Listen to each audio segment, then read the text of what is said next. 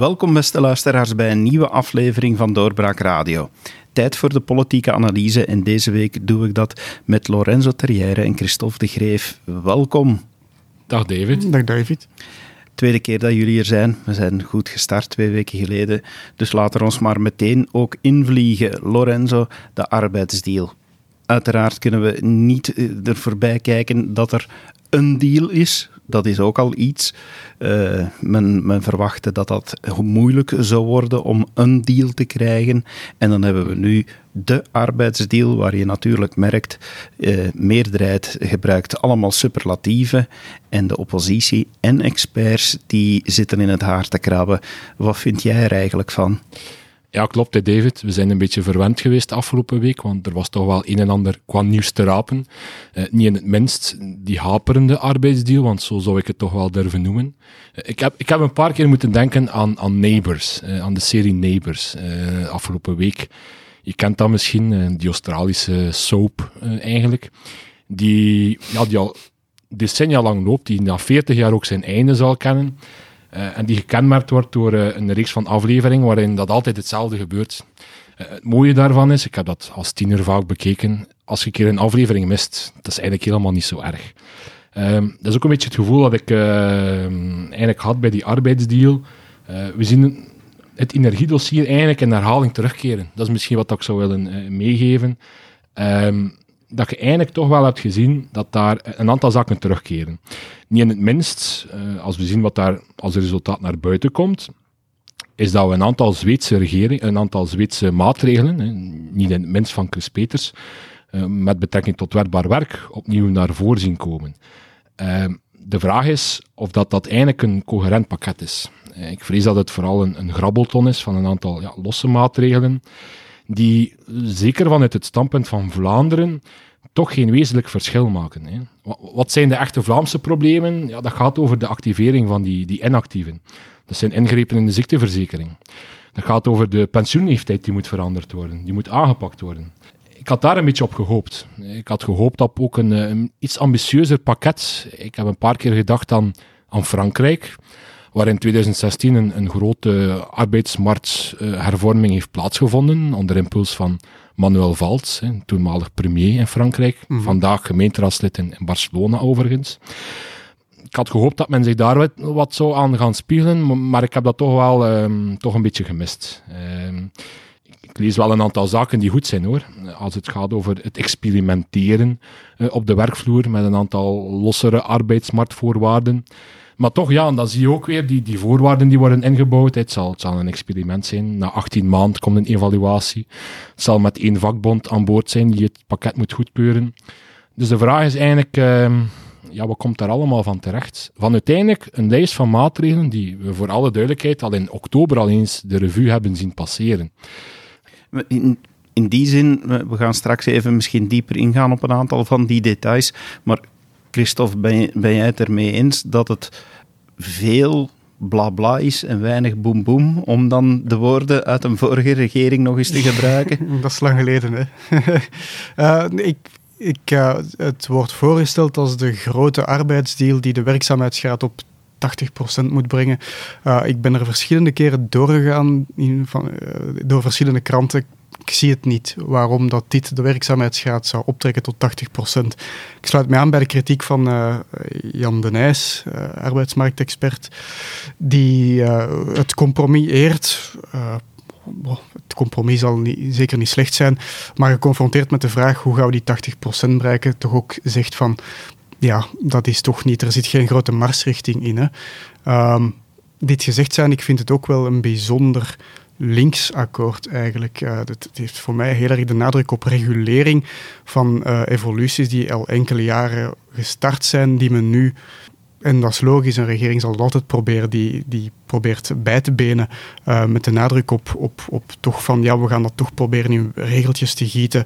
Um, ik vraag mij ook af in hoeveel bedrijven dat eigenlijk al die evoluties niet um, al in goede banen geleid zijn, in welke bedrijven dat eigenlijk al geen mm. degelijke afspraken worden gemaakt tussen werkgevers en werknemers, waarin uh, afhankelijk van de werklast gezegd wordt van ja, deze week veel werken, neem volgende week maar een beetje rust. Want ik, ik kan mij niet inbeelden dat, de, uh, dat, dat bedrijfsleiders uh, daar niet open al voor staan zonder regeltjes.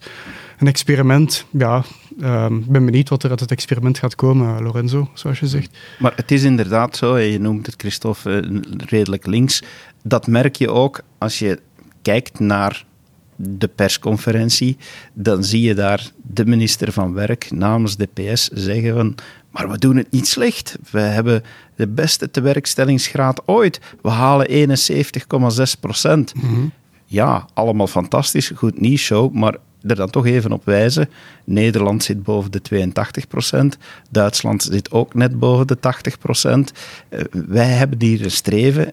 En het is inderdaad, Lorenzo, uh, ja, het is een streven, maar iets concreet, stappen in die richting vind ik dat er weinig in zit. Ja, die, die verdedigingslinie van, van Den is begrijpelijk.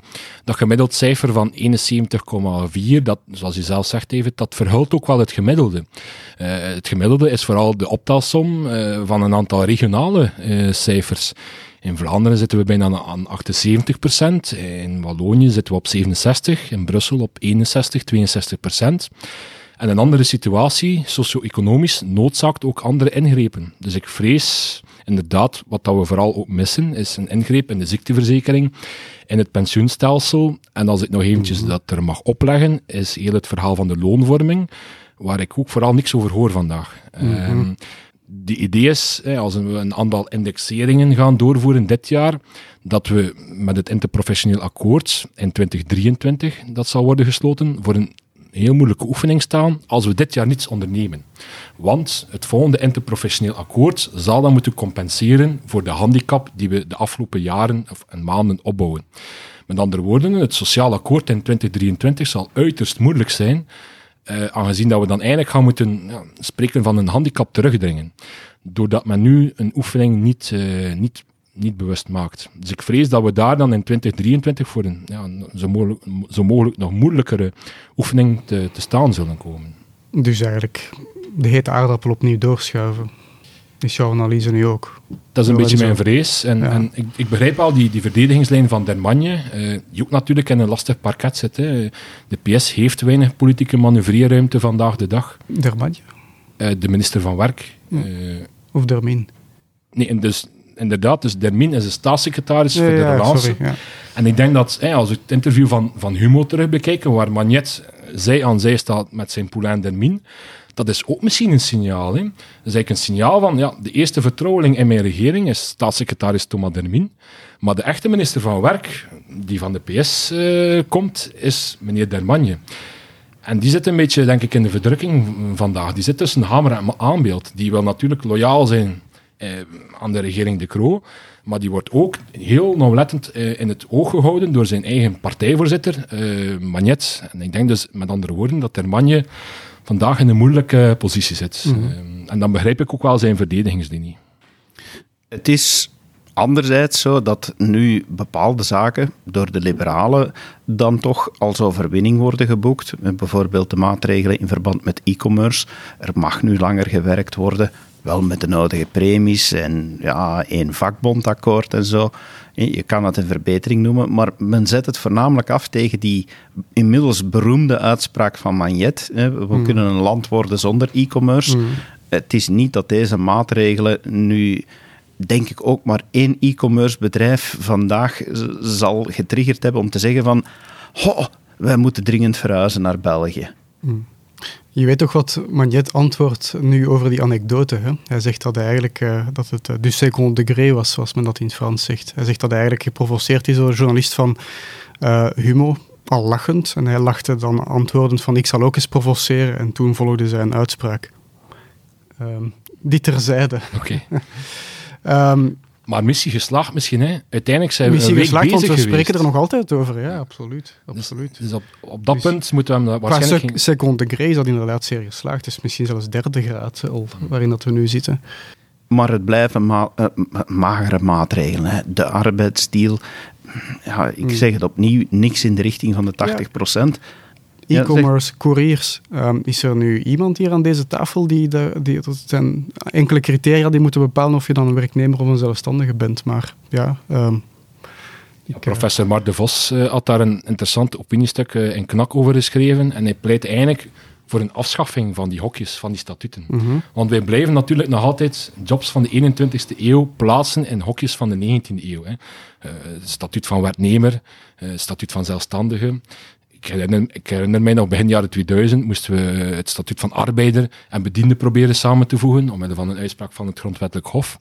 Professor Mar de Vos zegt eigenlijk, ja, dat statuut, die verschillende statuten, we moeten daar eigenlijk gaan naar een, een, ja, een, blanco, een wit blad en gewoon een, een minimale sokkel in de sociale zekerheid voorzien voor elke persoon die aan de slag is en dan naar lang de sector, naar lang de situatie, specifieke rechten gaan toekennen.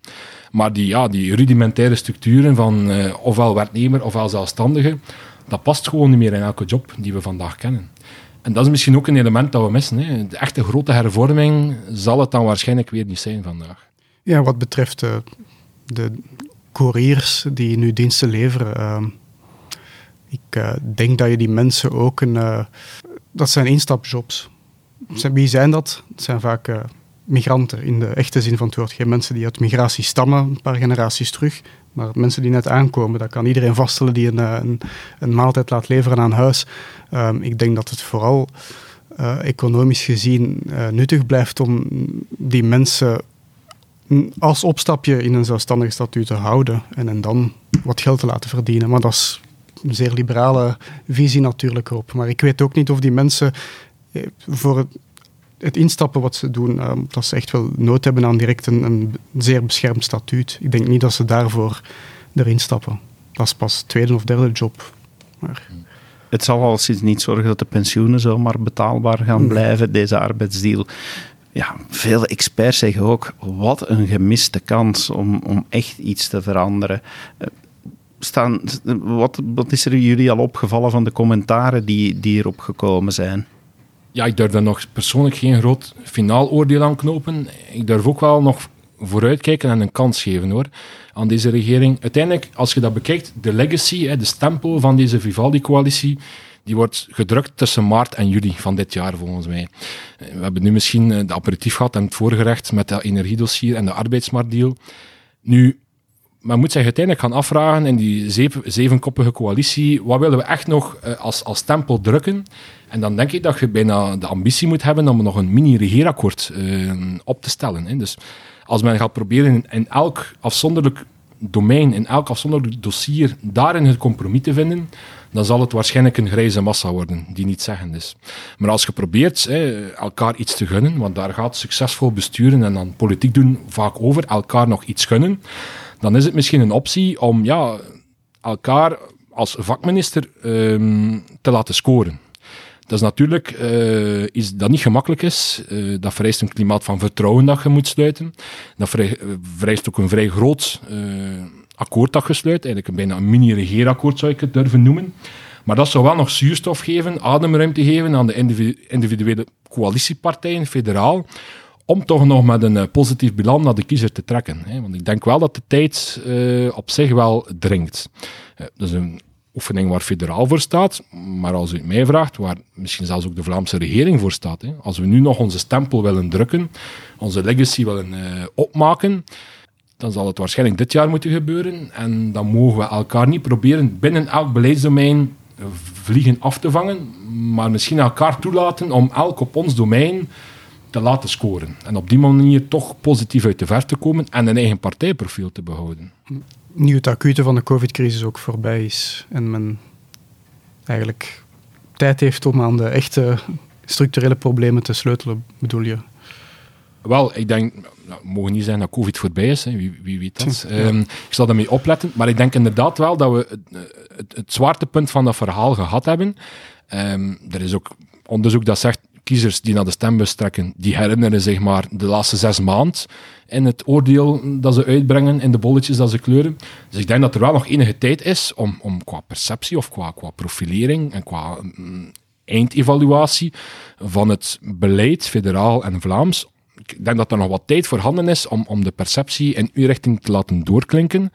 Maar dan is het nu wel alle hens aan dek. Eh, en dan denk ik dat het tijd is om op urgente beleidsdomeinen, zoals hè, pensioenen, fiscaliteit, eh, arbeidsmarkt en wat, toch nog proberen eh, ja, go- goed te scoren. Hè. Wat ik vind dat opvalt daar is, eh, het, gaat in de commentaren vandaag heel hard over het, het, Belgische compromis. Als er iets geroemd wordt, wordt dat geroemd. Er is ook niet veel inhoudelijks uh, anders te roemen. Ik vraag me af, waar willen we eigenlijk in België naartoe dan? werkzaamheidsgraad, pensioenen, um, dat hoor ik nooit. Denk dat misschien Vlaanderen daar wel een visie op heeft. Um, waar ze naartoe willen, met wie, wie, willen we ons meten? Is dat Groot-Brittannië, is dat Verenigd Koninkrijk, is dat, zijn dat de Scandinavische landen, zijn dat de Centraal-Europese landen? Ik weet het niet, ik stel de vraag, maar um, men, ik vraag me dan af, als het 2022 cruciaal wordt, um, beseft men dat eigenlijk dan wel, dat men een richting uit moet, dat men ergens een, een visie moet hebben van in die Europese richting willen we gaan. Daar willen wij als België of als Vlaanderen voor staan. Maar Christophe, is dat nu net niet wat misschien de grote teleurstelling van de burgers verklaart in de politiek? Dat de enige ambitie die er eigenlijk nog blijkt te zijn, dat dat voor iedere partij is, hoe kunnen wij een paar procent winnen? Of hmm. hoe kunnen wij er zelfs voor zorgen dat we niet nog een paar procent verliezen? Eh, en dat er geen groot plan, dat er geen visie vooruit is. Veel commentatoren zeggen ook, ja, het is geleden van Jean-Luc Dehane dat we nog, nog iets hadden om naartoe te werken. Dat is zo. Ik, heb, ik heb ook al, uh, ik, zal dat nog vaak zeggen, denk ik, in deze podcast, uh, tot 2024 uh, bij de politieke klasse nu ik, overheerst het gevoel van we weten niet wat we moeten doen tot in 2024. En na 2024 weten we ook niet waar we gaan belanden. Dus men ziet, hoe dat je het ook draait of keert, men ziet vast. Men, men denkt van zal onze tijd wel duren. Misschien dat het ook de tijd niet meer duurt. Um, er beweegt veel in Europa. Uh, dat is niet alleen in België zo. Andere landen hebben misschien wel het voordeel dat ze uh, meer, meer hechtheid hebben, dat de burgers meer verwachten van hun overheid. Ik zie het in België niet. En de kiezer in België, ja, we weten het allemaal. er was vorige week toch ook nog die die, uh, die peiling die dan de morgen heeft opgepikt, waarin dat dan commentaar werd gegeven door enkele uh, commentatoren. Uh, P van de A, Vlaams Belang. Ja, ik, uh, ik denk dat dat, dat, zijn, dat zijn scenario's voor 2024, ja. Waar we rekening mee gaan moeten houden en waar men zich nu, denk ik, eigenlijk ook niet op federaal en ook op Vlaams niveau niet echt durft over uitspreken. Ik denk, men durft het zelfs niet denken, denk ik denk ook dat men over veel zaken niet durft nadenken. Iemand die wel recent nog zijn gedacht heeft gezegd, was Bart de Wever in het eh, VTM-nieuws zondagmiddag, waar hij toch weer een aantal typische de Wever-uitspraken deed. ja, de premier is de dweil van de regering, wat hij zelf voorspeld had, maar ook dat er weinig ambitie in zit, eh, dat, eh, dat deze regering niks tot stand zal brengen. Drukt hij daarmee echt, uh, is, is dit nu gewoon oppositietaal of drukt hij daarmee echt op de zere plek van deze regering? Dat doet pijn, denk ik, ja. Dat is uh, in dat licht. Enkele weken geleden was er dat interview in het laatste nieuws met Egbert Lachart, waarin hij zegt dat iemand als hij nog de zekerheid heeft uh, dat als het slecht kan gaan, dat hij elders ter wereld ik citeer niet letterlijk, hè, het is du mémoire, um, maar dat als het slecht gaat hier, dat, um, dat hij elders bij wijze van spreken opnieuw kan starten en een goed leven kan leiden. Ik zou dat toch niet onderschatten als uitspraak van een partijvoorzitter van een liberale partij. Alsjeblieft zeg. En niemand valt daarover. Die man zegt dus eigenlijk van, wat ik zeg ook, hè, van in 2024, niemand weet waar we naartoe gaan. Maar uh, zijn, uh, zijn tafel zal gedekt blijven.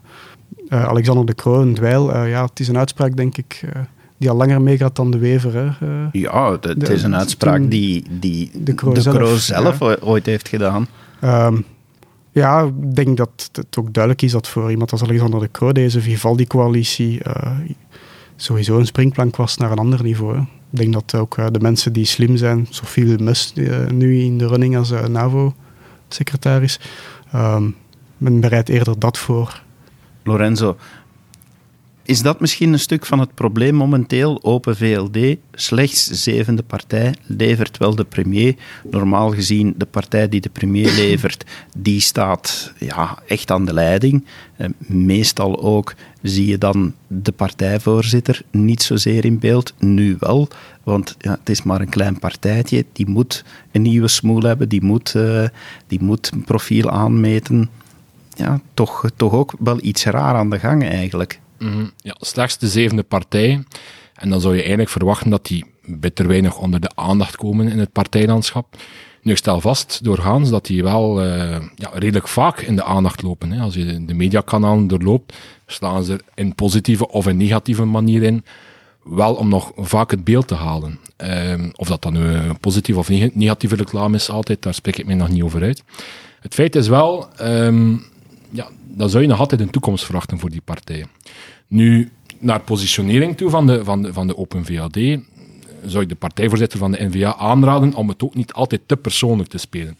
Want racune in de politiek is meestal een slechte drijfveer en leidt zelden tot persoonlijk succes op lange termijn. Dus ik weet niet in hoeverre dat dat, dat beeld van de dweil van de Weststraat, dat je dat met, met de maanden die vorderen, dat je dat moet blijven aanhouden. Ik kan dat tijdelijk begrijpen als een manier om toch iemand uh, in de hoek te drummen. De vraag is of dat, dat ook uh, electoraal kiezers kan charmeren om voor uw eigen partij te gaan stemmen.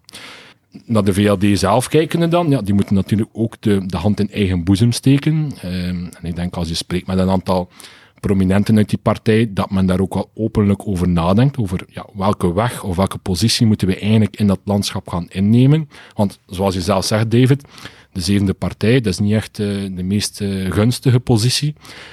Wat, wat daar de overweging is, um, ofwel ga je eigenlijk naar een beweging die zich manifesteert rond de premier, dat je eigenlijk een, ja, een, een beweging à la Macron bent, waarbij dat je duidelijk aantoont dat je bestuurswaarde bent, dat je een soort van leidersfiguur hebt. Dus ofwel heb je het beeld van inderdaad een beweging rond de premier, ofwel keer je terug hè, naar je ideologische strepen, hè, het liberaal vuur, operatie liberaal vuur, en scherp je je eigen profiel terug aan als kleine partij die dan wel nog ergens een bestaansreden heeft, die zich met andere woorden terugplooit op de core business. Maar het is wel of het een of het ander. Dat is ook de discussie die nu wekelijks in het partijbureau wat wordt gevoerd. Gaan we ofwel die beweging zijn die rond de premier zich profileert als een leiders, eh, als een bestuurspartij, of gaan we terug een duider, helder, blauw profiel aanmeten als zijnde dan wel een, kleinere politieke partij men is daar eh, onderling niet uit. En, en je ziet wel dat, dat daar ook wel wat getouwtrek aan te pas komt. Hè. Het is zo dat, dat de, de, huidige partijvoorzitter het zeker niet onder de markt heeft in dat partijbureau. Dat bestaat uit twintig leden, dat eigenlijk wel de machinekamer is van die partij. In de wetenschap dat ja, daar ook drie dynastieën altijd aan tafel zitten. Hè. Je zit daar met de De Waalse, de, de, de de, de, de Kroos. Zijn zes mensen die niet altijd perfect de lijn bewandelen die de partijvoorzitter voor ogen heeft dan is een logische reactie als partijvoorzitter dat u ook een aantal bondgenoten aan, aan boord heist hè, in dat wekelijks partijbureau. Dan hebben we in het begin gezien, hè, een paar jaar terug, toen dat, uh, de liberale vrouwenvoorzitter uh, mee aan boord werd gehezen, uh, het Liberaal Vlaams Verbond kwam mee aan boord, Jong VLD-voorzitter mee aan tafel tijdens de wekelijkse besprekingen, om toch wat meer objectieve bondgenoten in de kring van de, de partijvoorzitter te krijgen meneer Lachard heeft daar nog twee figuren aan toegevoegd. Hè. Er zijn twee ondervoorzitters benoemd, die nu ook uh, aanschuiven. Uh, mevrouw Doze en, en, meneer Pillem. Dus u ziet dat dat een beetje een intern getouwtrek is van ja, welke, welke richting sturen we die partij uit? Uh, en, en enig nadeel is dat de voorzitter daar zelf ook momenteel niet uit is, denk ik. ook zijn persoonlijk profiel. Hè. Ga ik met andere woorden uh, ja, die sterke blauwe ideologische strepen in de vers zetten? Of moet ik toch ook vooral zorgen dat de premier uh, de wind in de zeilen heeft? Hè? Ik denk dat vooral vandaag belangrijk is voor, de, voor meneer Lachart om toch ook die onderhandelingsruimte te blijven creëren voor zijn eigen premier De Croo.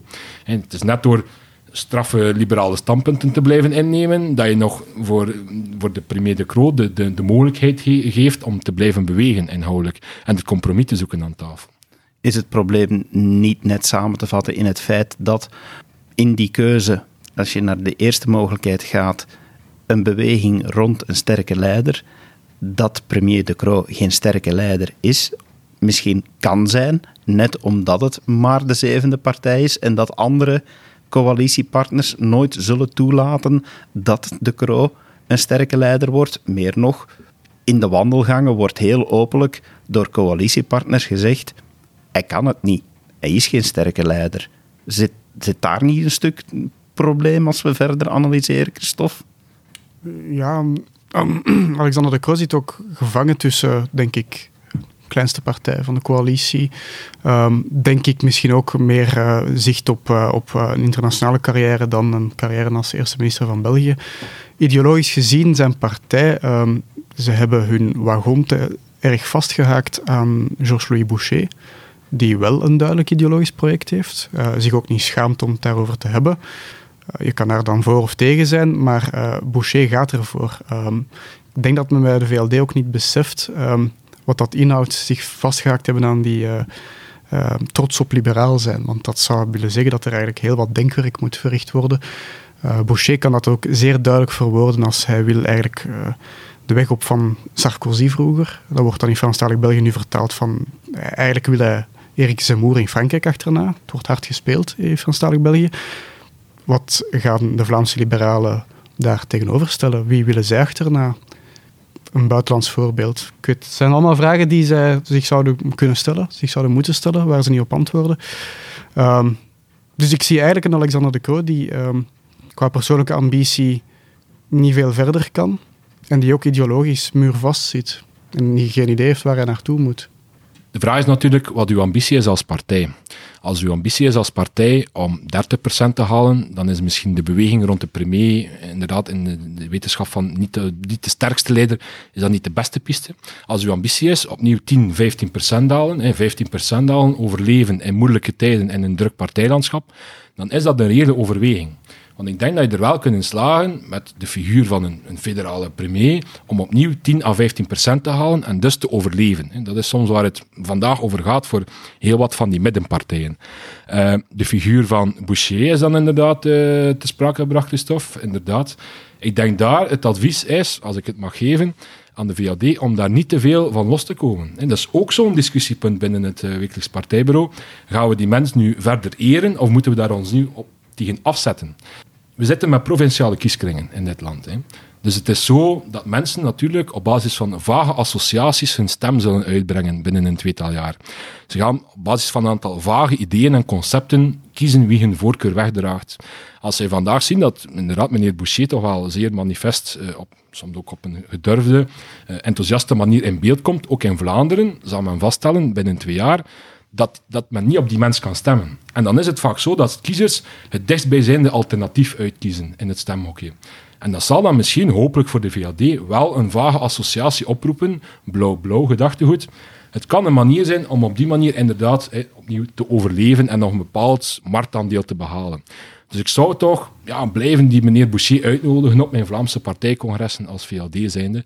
Ook al maakt hij het jou inderdaad soms lastig eh, als premier zijnde, maar dan misschien ook aan de andere kant creëert meneer Boucher de onderhandelingsruimte voor premier De Croo om effectief uh, te kunnen blijven bewegen. En niet in die rood-groene uh, ja, valstek als het ware te moeten trappen. -hmm. Ja. Nu, wat uh, de stemmen voor de middenpartij betreft, denk ik dat een partij als Vooruit daar meer op gaat kunnen kapitaliseren op een persoon van Frank van den Broeken en Conor Rousseau. En gezondheidsbeleid van de voorbije jaren, dan dat uh, Alexander de Croo daar een beweging rond zou kunnen bouwen. Ja, de vraag is in hoeverre dat dat uh, tegengestelde doelstellingen zijn. Ik denk inderdaad dat er een bepaald electoraat bestaat voor uh, de figuur van meneer Van den Broeke, gekoppeld aan het dynamisme van meneer uh, Conor Rousseau. Maar dat sluit niet uit dat je ook een electoraat kunt aanboren dat dan weer ja, wat meer gezind is op een, op een, leidersfiguur als, als minister De Croo en, en, gekoppeld aan meneer Lagarde. Dus de vraag is in hoeverre dat die elkaar eigenlijk vliegen afvangen. Hè. Eh, het zijn niet zozeer communicerende vaten, socialisten en liberalen. Dus ik denk dat er voor beide wel wat te zeggen valt. Mm, Een partij die duidelijk in de lift zit, nu we toch aan het kijken zijn naar het partijlandschap, is wel PVDA, PTB. Mhm. Ik noem ze altijd in één adem, omdat ze zichzelf aan elkaar zo vastklinken. Uiteraard zijn er behoorlijk wat verschillen langs iedere kant van de taalgrens. Maar die PVDA komt ook in Vlaanderen wel opzetten. En die heeft, denk ik, toch nog wel een paar trucjes achter de hand en, en mogelijkheden om de komende maanden veel meer in de kijker te gaan lopen, Christophe. Mhm. Ja, we mogen ook niet vergeten dat uh, zij voor uh, binnen twee weken hebben opgeroepen om uh, Mars op Brussel te houden. Ehm, maar vooral, um, dat is in de Vlaamse media onopgemerkt gebleven, maar ze hebben een, een paar dagen geleden een, uh, een online campagne gestart. Uh, Emma's Dilemma's heet die. Uh, en dat is eigenlijk een soort van uh, interactief politieke reclame waarin dat je, het lijkt op een soort computerspel, een simulatie, waarin dat je de toekomst van een, een de hoofdrolspeelster Emma moet bepalen. Emma ehm, wordt verscheurd tussen de keuze: ga ik uh, langer werken zodat ik. Uh, of voltijds blijf werken zodat ik meer pensioen heb, of ga ik voor mijn zieke moeder zorgen, mijn uh, kinderen meer zien. je mag zelf kiezen als, als, als, als bezoeker van hun website. je kiest dan voor Emma's leven en op het einde krijg je dan, afhankelijk van de keuze die je hebt gemaakt, het resultaat dat is iets in de zin van, het is de PvdA natuurlijk, van um, Emma heeft uh, zeer lang gewerkt en ze krijgt zeer weinig. Uh, ze had misschien toch beter gekozen om uh, wat meer tijd voor zichzelf te kiezen, maar dat geeft dan weer op het einde.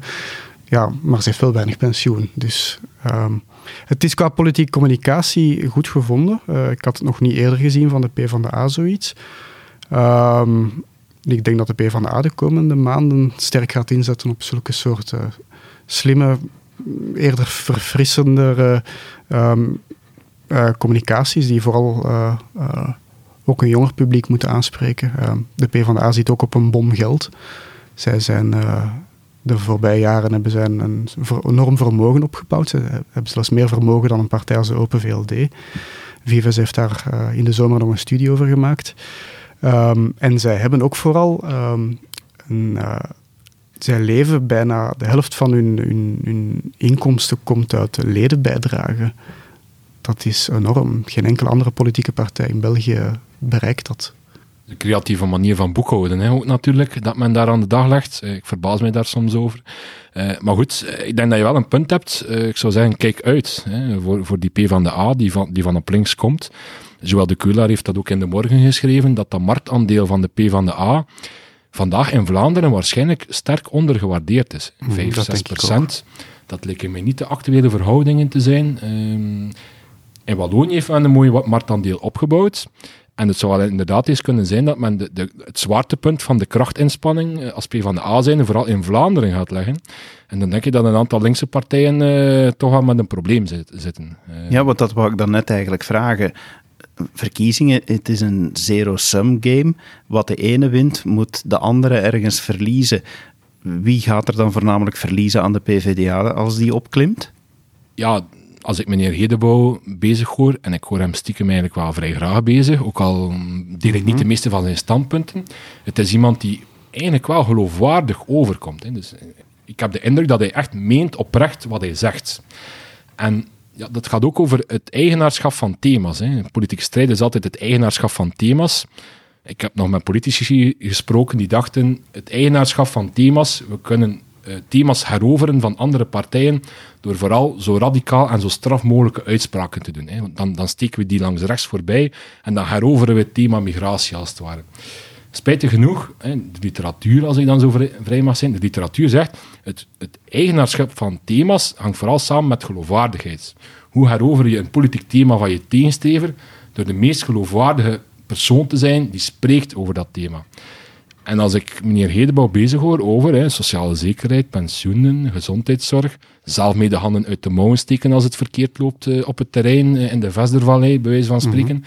dan denk ik, je moet niet altijd de meest radicale standpunten innemen, maar inderdaad ook geloofwaardigheid, de meest geloofwaardige persoon zijn die spreekt over dat thema, kan helpen om het zeil naar je toe te trekken. En dan denk ik dat de, de schade wel eens breder zou kunnen zijn dan enkel bij de linkse partijen, want ja, er zijn ook partijen die spreken over uh, de thema's van de kleine man, de kleine werkmens, die zich ook aan, het rechtse, aan de rechtse kant van het spectrum eh, bevinden. Dus, dus ik denk dat de electorale schade of het electoraal wingewest voor PvdA wel eens breder zou kunnen zijn dan die traditionele ja, vijver aan de linkerkant. Hè, die in, Vlaanderen eenmaal maar beperkt is. Hè, 20, 25 procent eh, als we positief uh, denken. Christophe, is dan het probleem van de PvdA ook niet meteen hun politiek personeel? Want we kennen wel Peter Mertens, we kennen meneer Hedebouw. En wie dan nog?